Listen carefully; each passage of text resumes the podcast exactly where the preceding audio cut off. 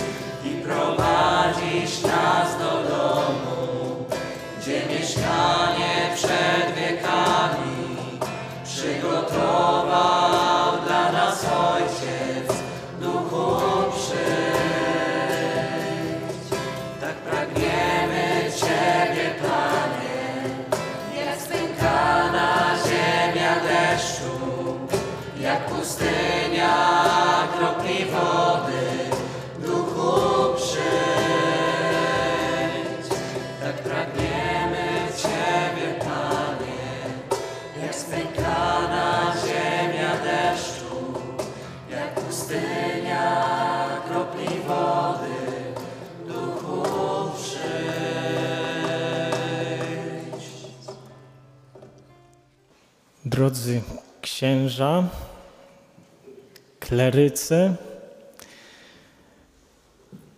drodzy młodzi, którzy się tutaj zgromadziliście. Jak wiemy już doskonale, rozpoczęliśmy środą popielcową okres Wielkiego Postu. Okres, w którym wielokrotnie powtarza się taki slogan, hasło, wezwanie – nawracajcie się i wierzcie w Ewangelię. Tyle razy już to słyszeliśmy. Co, wie, co każdy Wielki Post, kiedy przychodzimy w środę popielcową, słyszymy słowa nawracajcie się, nawracajcie się. Może już nam trochę to się przejadło. Może trochę traktujemy to jako takie powiedzenie nauczyciela, który mówi: Za tydzień będzie sprawdzian, macie się przygotować, bez dyskusji. Możemy tak traktować słowa Pana Jezusa, który właśnie mówi: Nawracajcie się, bo bliskie jest Królestwo Boże. Możemy tak do tego podchodzić, że to jest taki wewnętrzny imperatyw, rozkaz, który ja mam wykonać jako posłuszny żołnierz, czy też uczeń w waszym często przypadku. Otóż nie o to chodzi, żebyśmy tak to traktowali, ale możemy traktować również to wezwanie nawracajcie się jako takie, wiecie, taki dodatek. Na przykład jak mamy w telewizji, jak oglądamy telewizję, często pojawiają się reklamy środków farmaceutycznych, różnych cudownych eliksirów, tabletek, które mają na celu poprawić nasze zdrowie, funkcjonowanie naszego organizmu. To słyszymy takie słowa przed zastosowaniem. E, musisz skonsultować się z lekarzem lub farmaceutą, gdyż każdy lek niewłaściwie stosowany zagraża Twemu życiu i zdrowiu. Albo możemy traktować to jako też taką nalepkę, czy też dodatek. Ja sam nie palę, ale wiem, że na paczkach papierosów często jest napisane palenie zabija, palenie powoduje raka płuc, prawda? Że jest takie po, przekaz, który mówi, że są konsekwencje związane z tym, że jeżeli ja to zażyję, no to może coś się złego pojawić i tak możemy właśnie traktować jako słowo i wezwanie do nawrócenia jako taki dodatek, że ja muszę coś takiego zrobić, bo inaczej, inaczej to mi zaszkodzi, jeżeli będę dalej brnął w swój grzech, ale jednak nie będę się tym przejmował, bo to może działać na długą metę, nie wiadomo kiedy to nastąpi. Kochani, czym jest nawrócenie? Idąc już pomału przechodząc do sedna. Nie chcę tutaj mówić definicji, nie chcę tutaj podawać jakichś górnolotnych treści. Przede wszystkim chcę, żeby to Bóg do Was powiedział, czym jest nawrócenie. Kiedy ja myślę o nawróceniu, to przychodzą mi do, na myśl, przyszły mi przynajmniej myśl do, do głowy słowa, które wypowiedział święty Paweł apostoł w liście do Galatów. Teraz już nie ja żyję, lecz żyje we mnie Chrystus. Choć nadal prowadzę życie w ciele, jednak obecne życie moje jest życiem wiary w Syna Bożego, który umiłował mnie i samego siebie wydał za mnie. I moim zdaniem to jest najpiękniejsza definicja nawrócenia.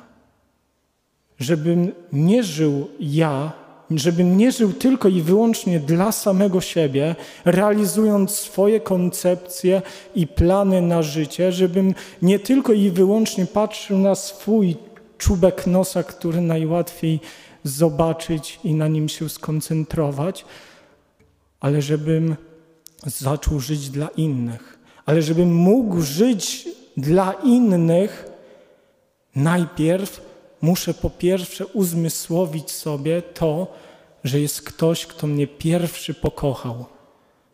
Będę do tego dążył w tej konferencji, żeby ukazać, że nawrócenie jest nie, tyle i, nie tylko i wyłącznie odwróceniem się od czegoś, przestaniem popełniania grzechów. To się wiąże z nawróceniem, ale nawrócenie ma mnie prowadzić do czegoś głębszego, tak jak właśnie zauważa święty Paweł Apostoł.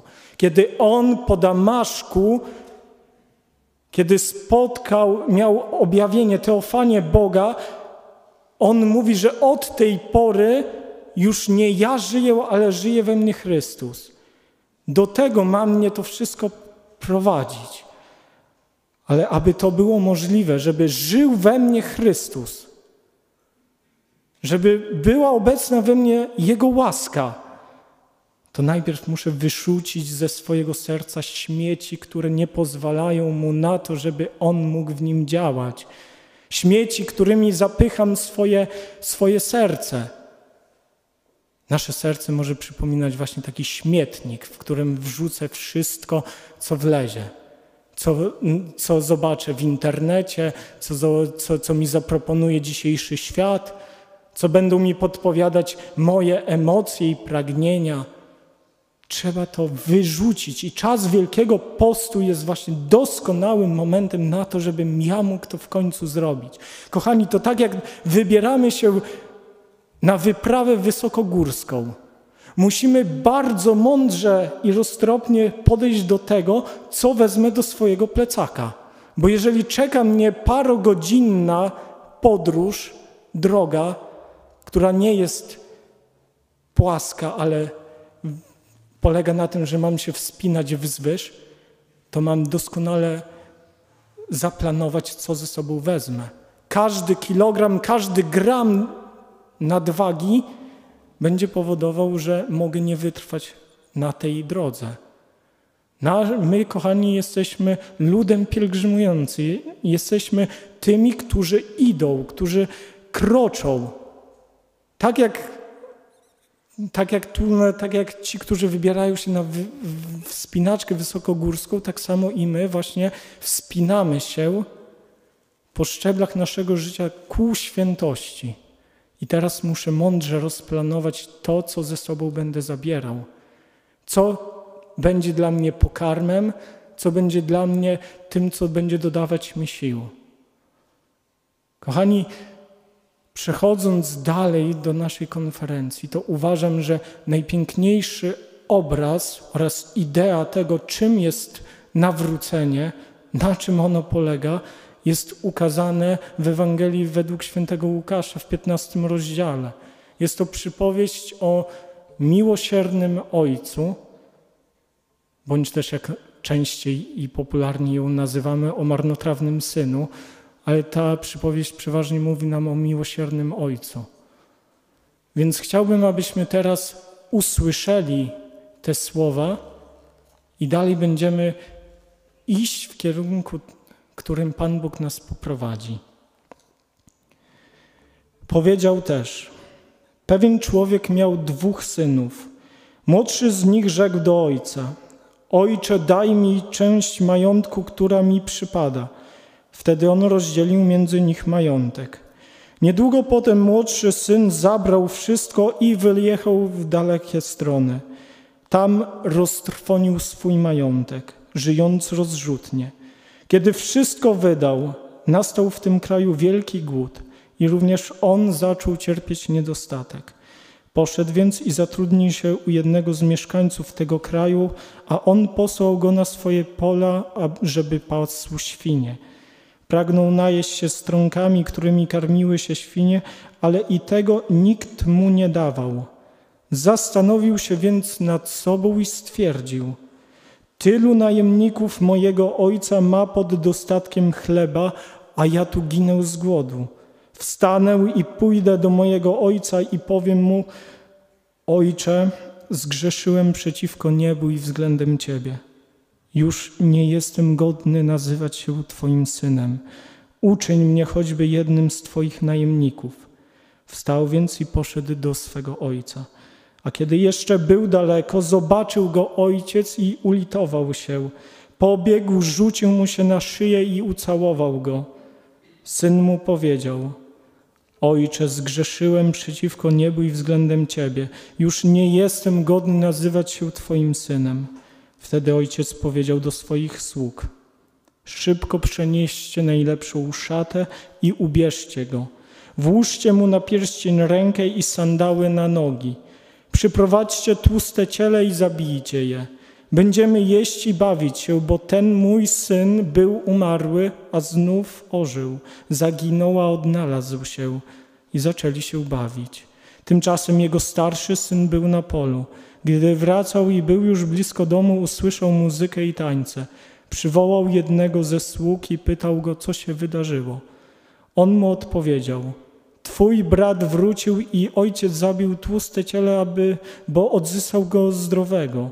Wtedy rozgniewał się i nie chciał wejść. Wyszedł więc ojciec i zachęcał go do wejścia, lecz on powiedział do ojca: Tyle lat ci służę i nigdy nie przekroczyłem Twego polecenia, ale Ty nigdy nie dałeś mi nawet koźlęcia, abym się mógł zabawić z przyjaciółmi. A gdy wrócił ten twój syn, który roztrwonił twój majątek z nierządnicami, zabiłeś dla niego tłuste ciele. On mu odpowiedział: dziecko, Ty zawsze jesteś ze mną i wszystko, co moje, należy do Ciebie. Przecież trzeba się bawić, radować, bo ten Twój brat był umarły, a ożył, zaginął, a odnalazł się.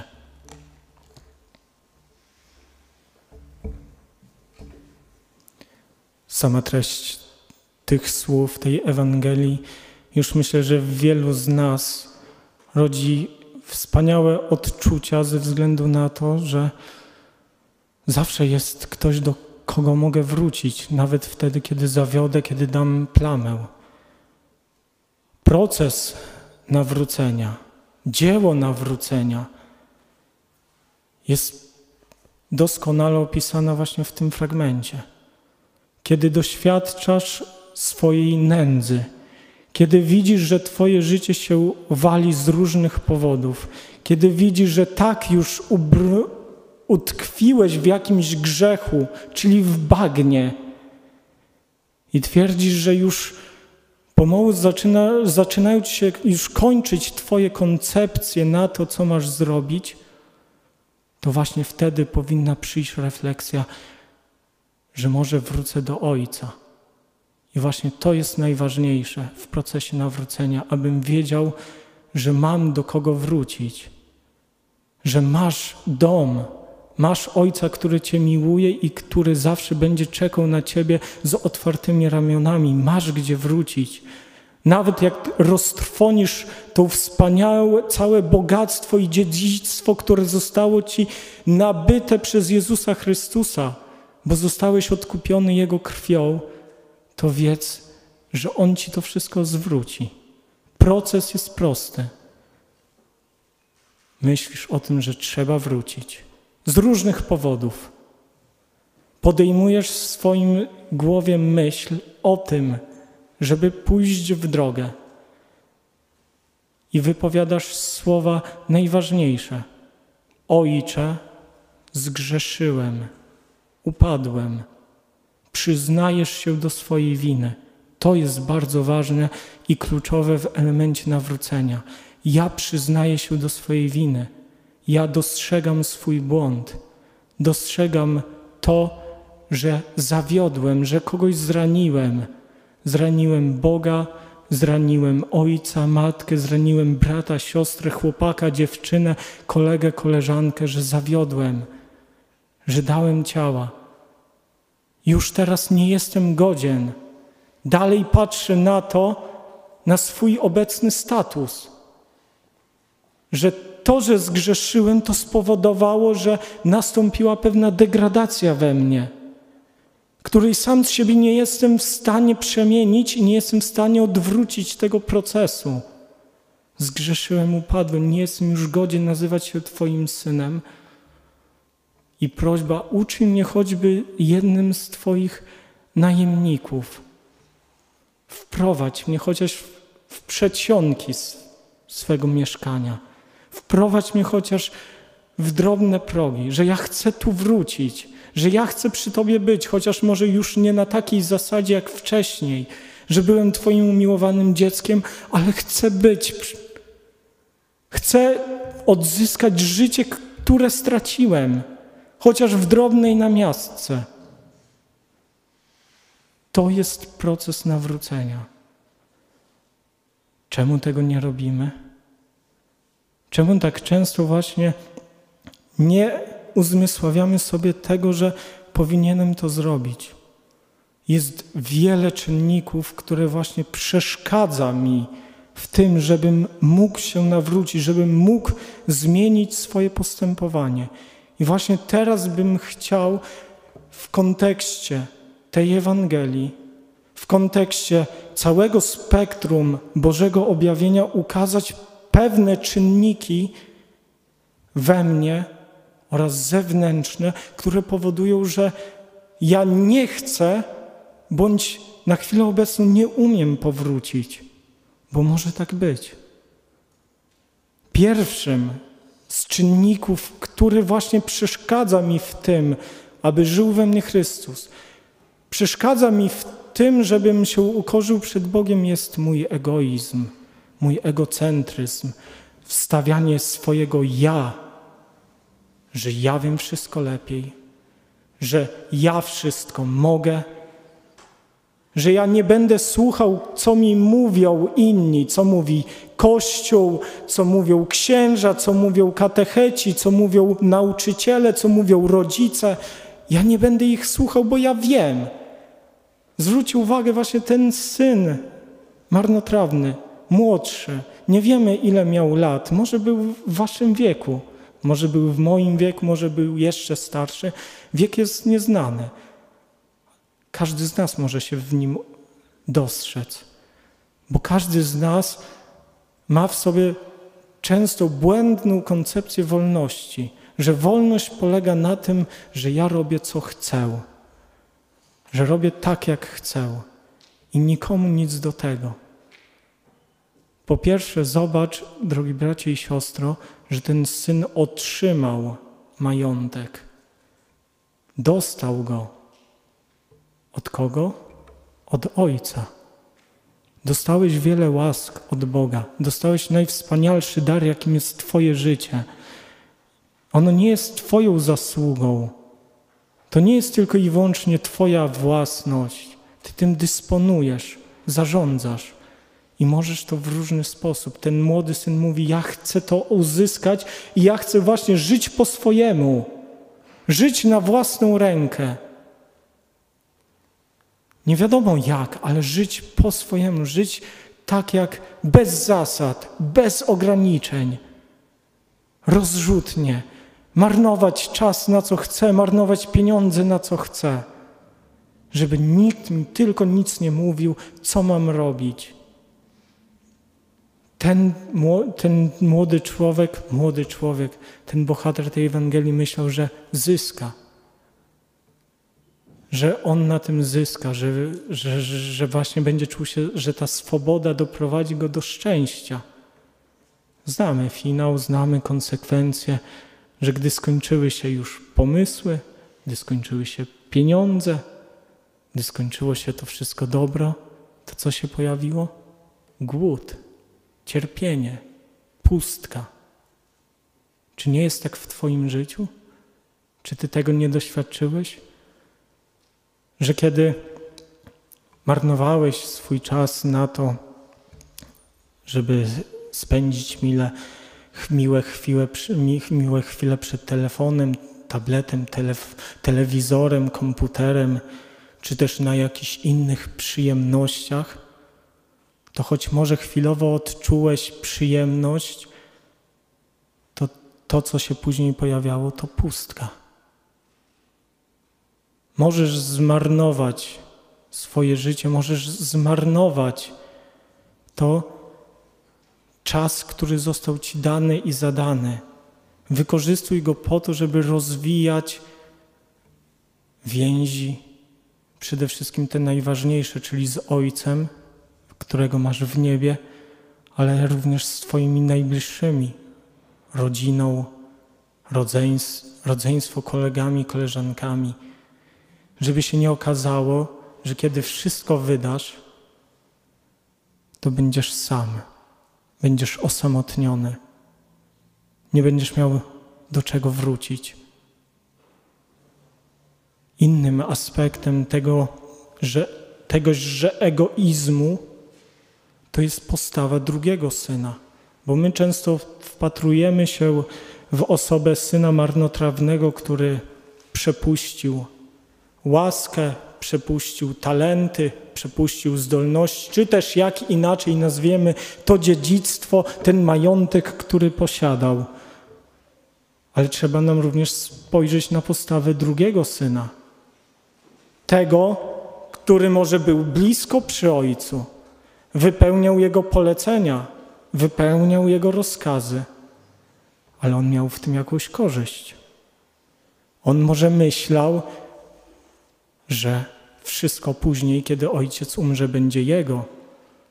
A ten jego braciszek, który poszedł, że tak powiem, w tango, to będzie dla niego tylko i wyłącznie zawada i dlatego może nie szukał brata. Wiedział, gdzie brat jest. No bo co on powiedział ojcu? Że ten twój syn, który, synalek, który przypuścił pieniądze na rozrywki, na panienki i ty go teraz tak witasz? Zwróćmy uwagę, wiedział, mógł wiedzieć, gdzie on jest i nie zrobił nic, żeby po niego pójść, żeby o niego zawalczyć.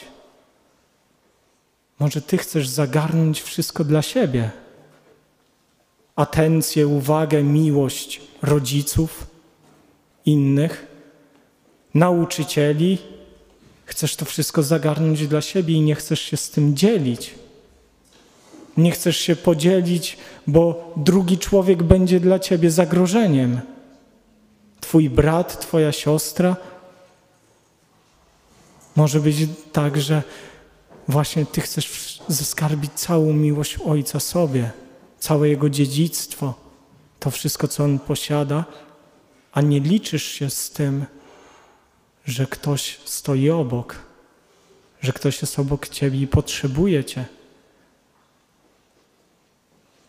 Kolejnym czynnikiem, który może nam utrudniać powrót, nawrócenie, zmianę swojego życia, to jest takie podejście, że ja mam czas. Wiecie, co diabeł najchętniej chce wmówić człowiekowi? Nie to, że Boga nie ma, tylko że ty masz czas.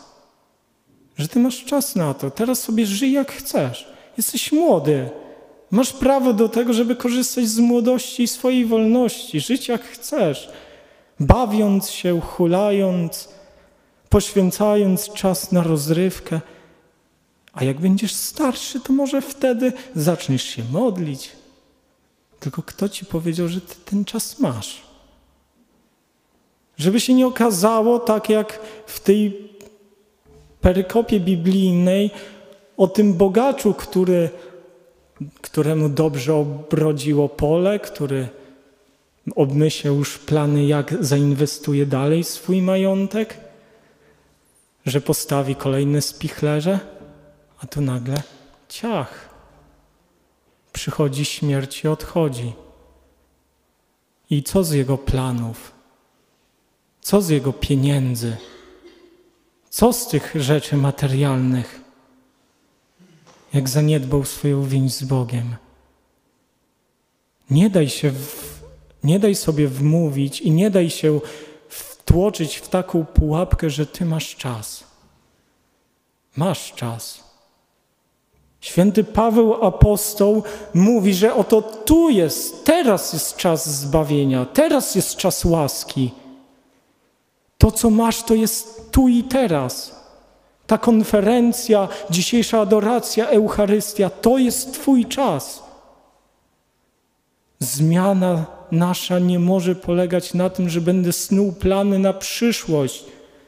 Od jutra, od następnego miesiąca, od następnego sprawdzianu zacznę się uczyć i tak wiecznie nie nastające jutro albo ciągle trwające zaraz że zaraz coś zrobię, zaraz coś wykonam.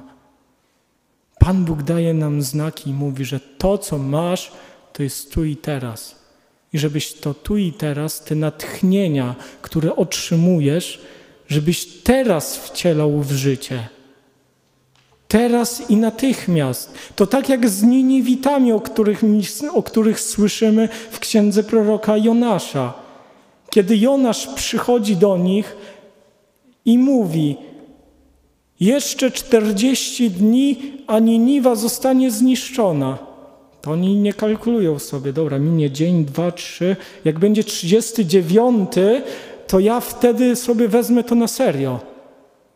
Jak czytamy Księgę Jonasza, to oni natychmiast podejmują pokutę, ubierają się w wory, podejmują post, zmieniają swoje życie natychmiast.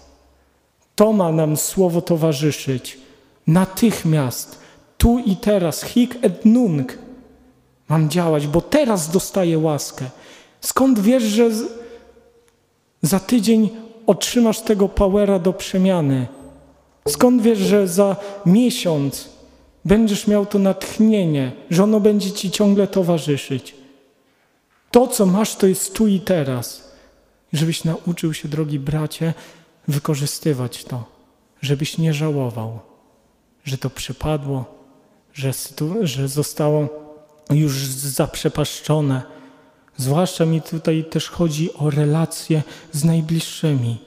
Żebyśmy nie odkładali pojednania się z kimś, z kim jestem zagniewany na czas jego urodzin, imienin, święta Bożego Narodzenia czy Wielkanocy, ale żebyśmy teraz walczyli o naszą rodzinę, żebyśmy walczyli o to, żebym wykorzystywał czas i poświęcał go nie tylko dla siebie, ale dla swoich najbliższych. Wmawiałem sobie, że mam czas. Mam czas na to, żeby właśnie być ze swoimi najbliższymi aż do momentu. Jednego z najboleśniejszych momentów w moim życiu, kiedy ja dowiedziałem się o tym, że moja mama choruje na chorobę nowotworową. Wiedziałem wcześniej, wiedziałem dużo wcześniej, dwa, trzy miesiące wcześniej wiedziałem o tym, że ona cierpi, ona choruje. Tylko ja właśnie tak uważałem, że mam czas, że nic nie będzie, że nic się nie stanie. Drogi bracie i siostry, nie uważaj, że masz czas, bo może cię spotkać taka sytuacja, że wracasz ze szkoły po lekcjach z plecakiem i czeka na ciebie ktoś i mówi, że twoja mama, twój tata jest w stanie agonalnym w szpitalu. Ja tak miałem. Wracając ze szkoły, dowiedziałem się w pewnym momencie, że moja mama jest w stanie agonalnym w szpitalu, że trzeba tam jechać jak najszybciej. I później, kiedy moja mama zmarła, ja się dowiedziałem od jednej ze swoich, e, ze swoich ciotek, sióstr mamy, że mama czekała na mnie każdego dnia, nasłuchiwała się, kiedy wrócę ze szkoły. Czekała na to, kiedy do niej przyjdę. A ja co wybierałem? Komputer, gry na kompie. Kiedy ja się o tym dowiedziałem, że ona każdego dnia czekała na to, aż ja wrócę, ja nie mogłem sobie tego darować. Ja nie mogłem sobie tego wybaczyć, że jak mogłem być tak głupi, że tyle czekałem, że coś innego było ważniejsze jak spędzenie chwili czasu z osobą, którą kocham najbardziej. Mówię to Tobie, drogi bracie i siostry, żebyś właśnie wiedział, że możesz nie mieć tego czasu zbyt wiele. Więc wykorzystuj każdą chwilę na to, żeby spędzać czas ze swoimi najbliższymi, a jeżeli jesteście pokłóceni, żeby się pojednać. Więc pokusa tego, że mam czas, może skutecznie utrudnić moje nawrócenie, moją przemianę. Inna Kolejna pokusa, która odwleka mój moment nawrócenia, która wręcz go może uniemożliwiać, to jest to, że się przyzwyczajam do życia w bagnie, do życia w grzechu, że tak się z tym zżywam, że boję się, że po prostu stracę swoje, stracę coś, że na nawróceniu stracę. Jeżeli zacznę chodzić do kościoła codziennie, żeby karmić się najwspanialszym darem jest jaka Eucharystia, to zaraz stracę kolegów i koleżanki, bo powiedział sobie, uch, nawiecony, oszalał, oszalała. Ja coś takiego przeżyłem też w swoim życiu.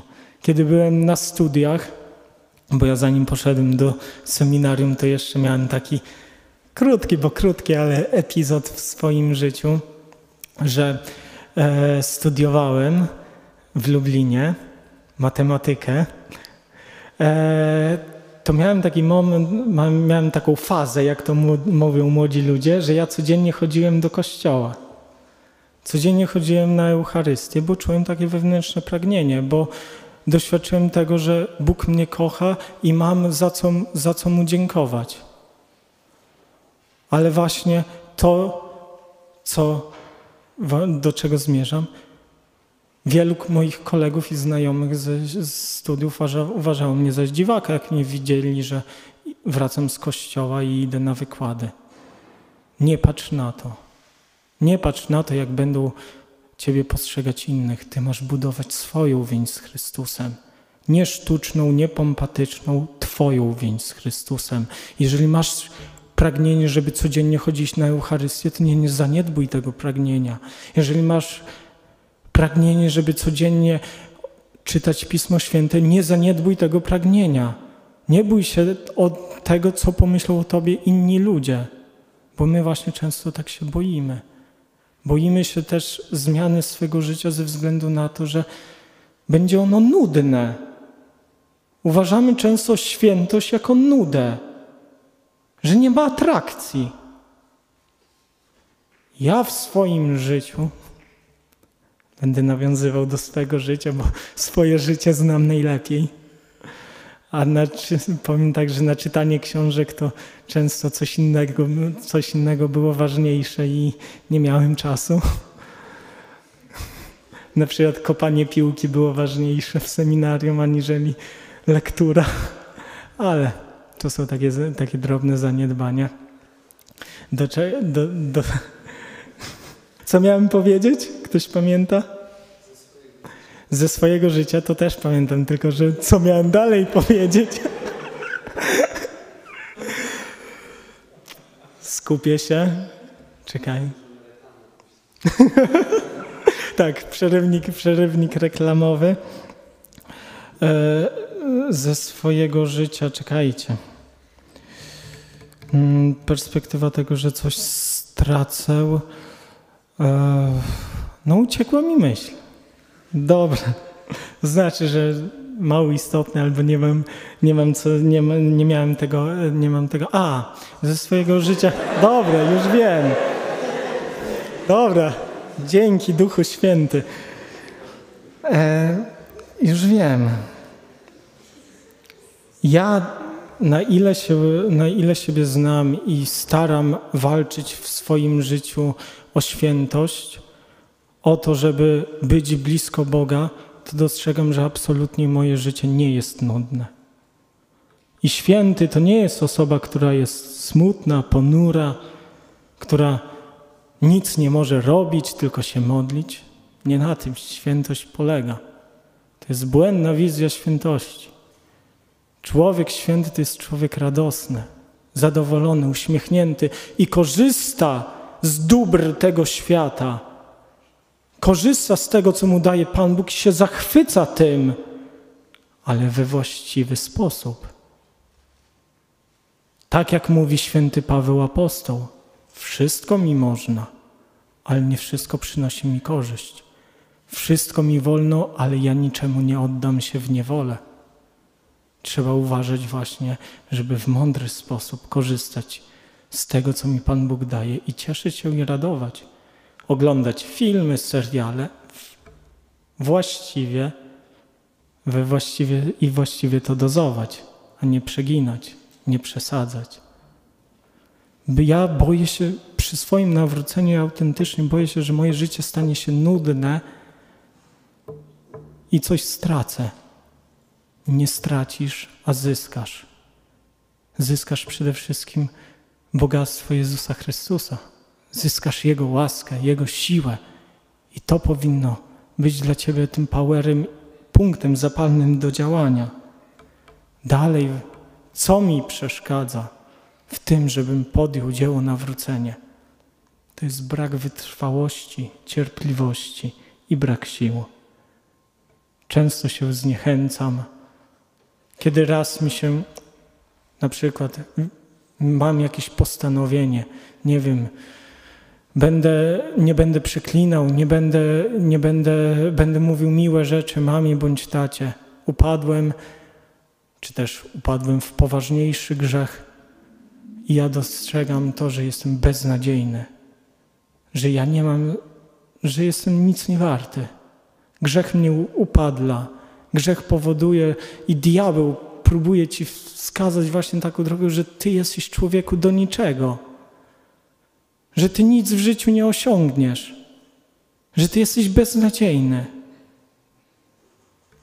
Kochani, zwróćmy uwagę na to, co się dzieje teraz na Ukrainie. Zwróćmy uwagę na to, jak naród ukraiński podejmuje walkę. Bronią się.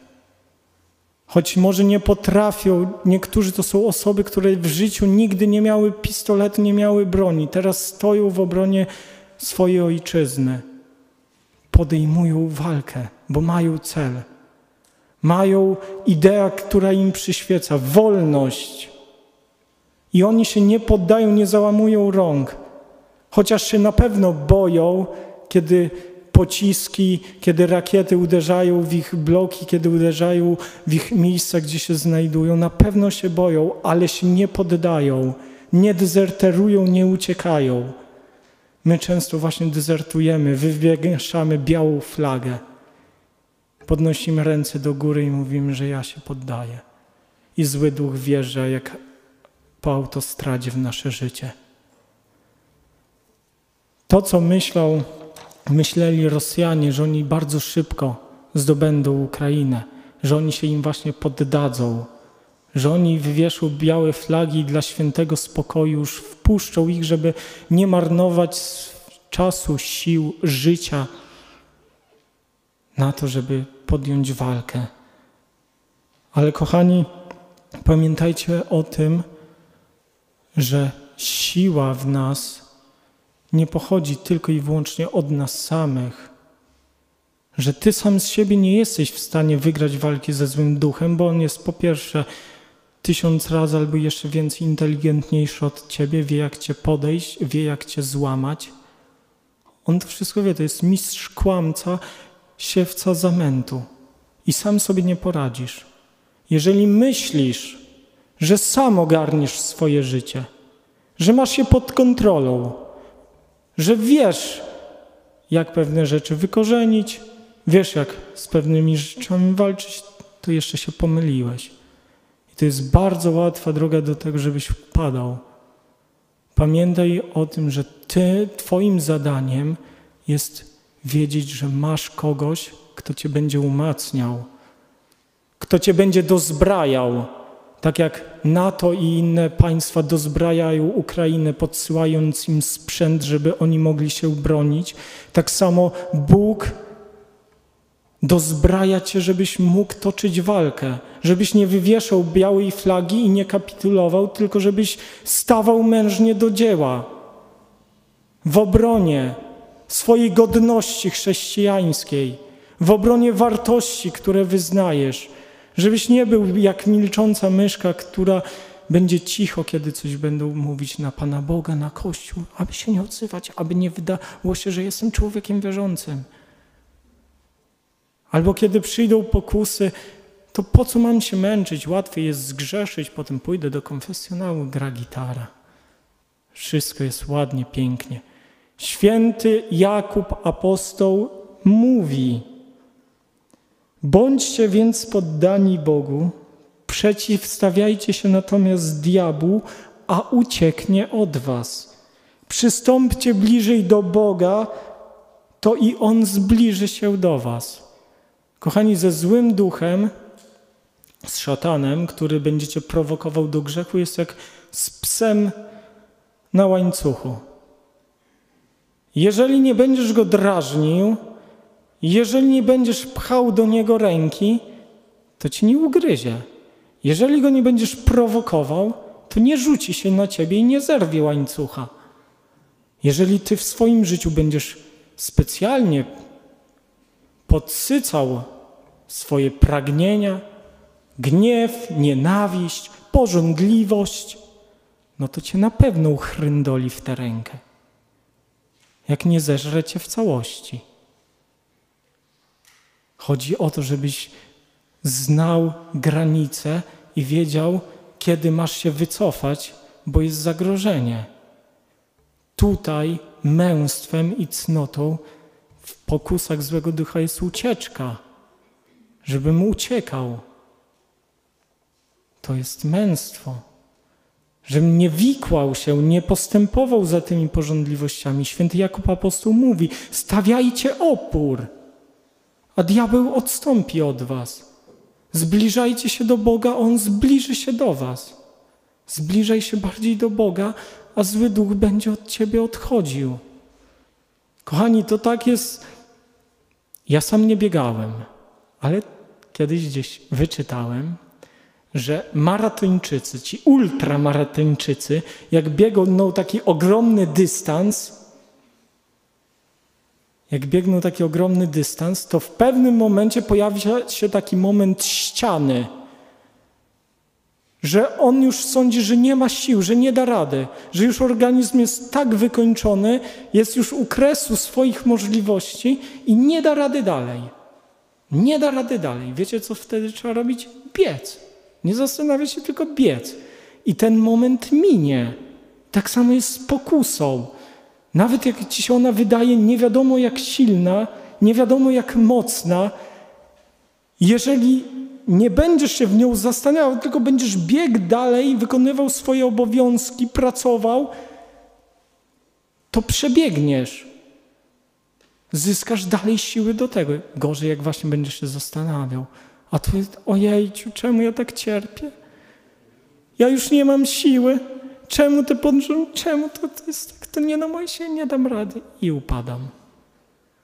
Najgorszym mom, sytuacją, kiedy właśnie przychodzą pokusy, to jest nic nie robienie, bezczynność.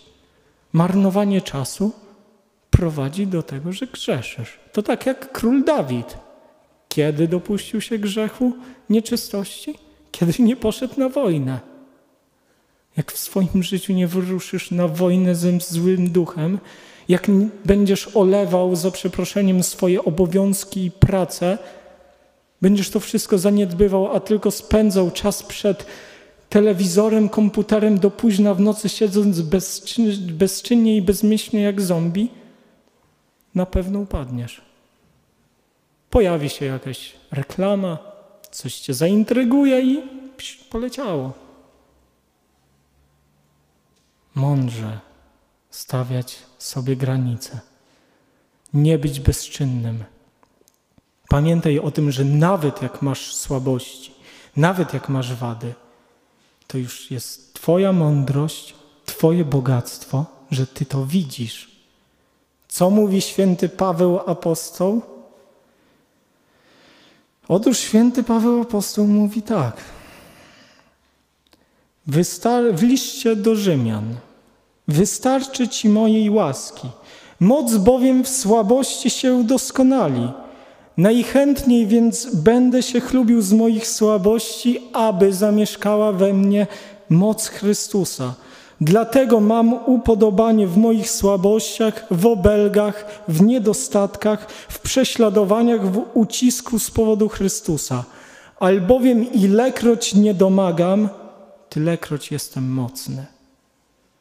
W miejscu, w którym Ty nie domagasz, w miejscu, w którym Ty uważasz siebie za pokrakę, za człowieka beznadziejnego, może zadziałać Chrystus. Masz okazję do tego właśnie, żeby pracować nad sobą, żeby zmienić swoją słabość. Dlatego święty Paweł Apostoł mówi, że moc w słabości się doskonali. Bo tam, gdzie ja jestem idealny, to ja nie będę czuł potrzeby, żeby nad, tym, nad tą dziedziną pracować, tylko będę się nią chełpił, będę się tym cieszył i będę to odstawiał na boczne tory. Ale tam, gdzie jestem słaby, to jest okazja dla mnie, żebym to zmienił. Że właśnie to, co kuleje w moim życiu, ta relacja, ta dziedzina, to jest teraz pole do, do popisu dla Ciebie, żebyś nad tym pracował, ale nie sam ale współpracując z, Bożej, z Bożą łaską, bo święty apostoł właśnie przypomina sobie, co mu powiedział Chrystus. Wystarczy Ci mojej łaski. Wystarczy Ci mojej łaski do tego, żebyś mógł wykorzenić swoją wadę, tylko żebyś podjął walkę, żebyś zbyt wcześnie nie, żebyś zbyt wcześnie nie kapitulował, nie poddawał się. I ostatnim takim punktem, który wymieniłem do tego, co nam przeszkadza w budowaniu relacji w, z Chrystusem, w poczuciu nawrócenia, w nawróceniu, w zmianie, w odstąpieniu od swego grzechu, jest lęk i poczucie wstydu.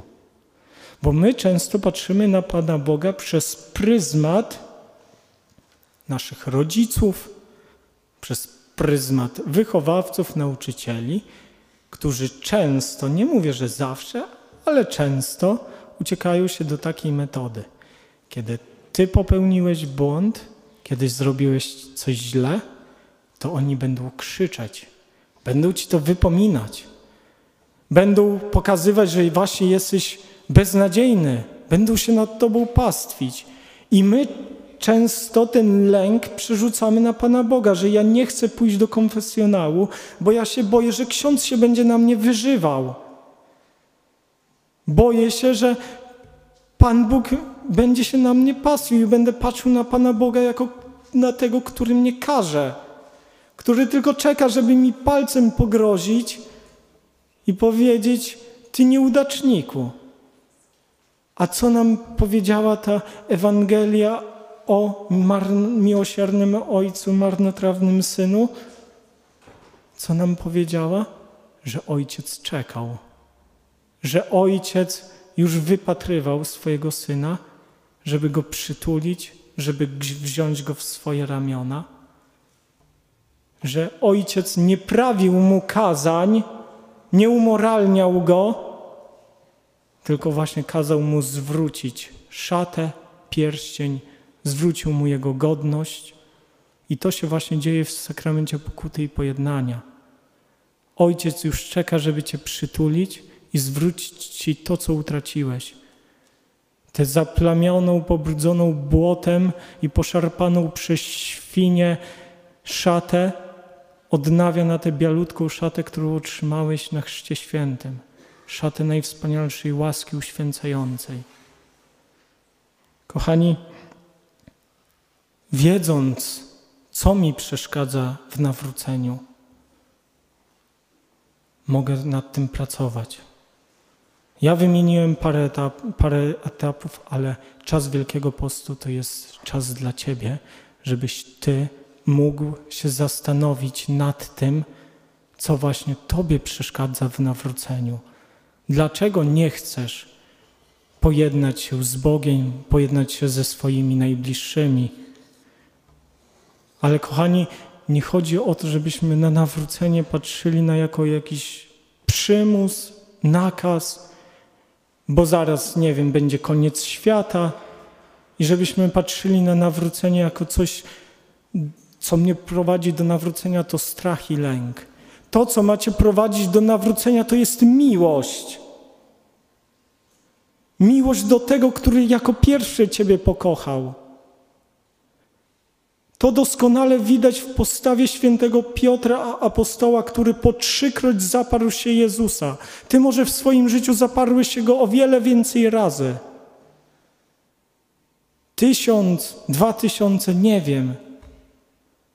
Mogłeś się wiele razy Jego zaprzeć, ale Chrystus nigdy nie będzie Ci kazał wrócić do tej sytuacji, żebyś teraz się bał i trwożył i lękał. Chrystus, kiedy staje przed świętym Piotrem po zmartwychwstaniu, to jedyne o co go pyta, Piotrze, czy miłujesz mnie więcej aniżeli ci? I właśnie niech ten czas Wielkiego Postu będzie okazją do tego, żebyś zaczął więcej miłować Boga, aniżeli samego siebie. Więcej cenić spotkanie z Bogiem, aniżeli czas spędzony przed smartfonem, grą komputerową. Żebyś więcej cenił Boga, bo właśnie w nawróceniu najważniejsza jest miłość. Miłość jest punktem zapalnym. Miłość daje nam siły. I właśnie święty Piotr, kiedy odpowiedział po trzykroć, że miłuje Chrystusa, że Go kocha na tyle, ile jest dzisiaj w stanie Go pokochać. Chrystus chce, żebyś nie mówił Mu górnolotnych deklaracji, tylko żebyś Go pokochał na tyle, na ile dziś jesteś w stanie Go pokochać. I ta miłość Go prowadziła do tego, że był w stanie oddać za Chrystusa swoje życie. Właśnie ta miłość. Niech ten czas adoracji, która za chwilę będzie, będzie okazją do tego, żebyś przede wszystkim powiedział Bogu, że Go kochasz, że chcesz Go pokochać ponad swoje porządliwości, ponad swój gniew, nienawiść, lenistwo. Żebyś pokochał Boga, zobaczysz, że wtedy będziesz odczuwał takiego powera, że cię będzie rozsadzać. Teraz żyję już nie ja, lecz żyje we mnie Chrystus. Niech to będzie hasło dla Ciebie na ten wielki post, żebyś żył już nie Ty, ale żeby żył w Tobie Chrystus. Choć prowadzisz w życie ciele, żebyś teraz żył wiarą w tego, który oddał za Ciebie życie. Amen.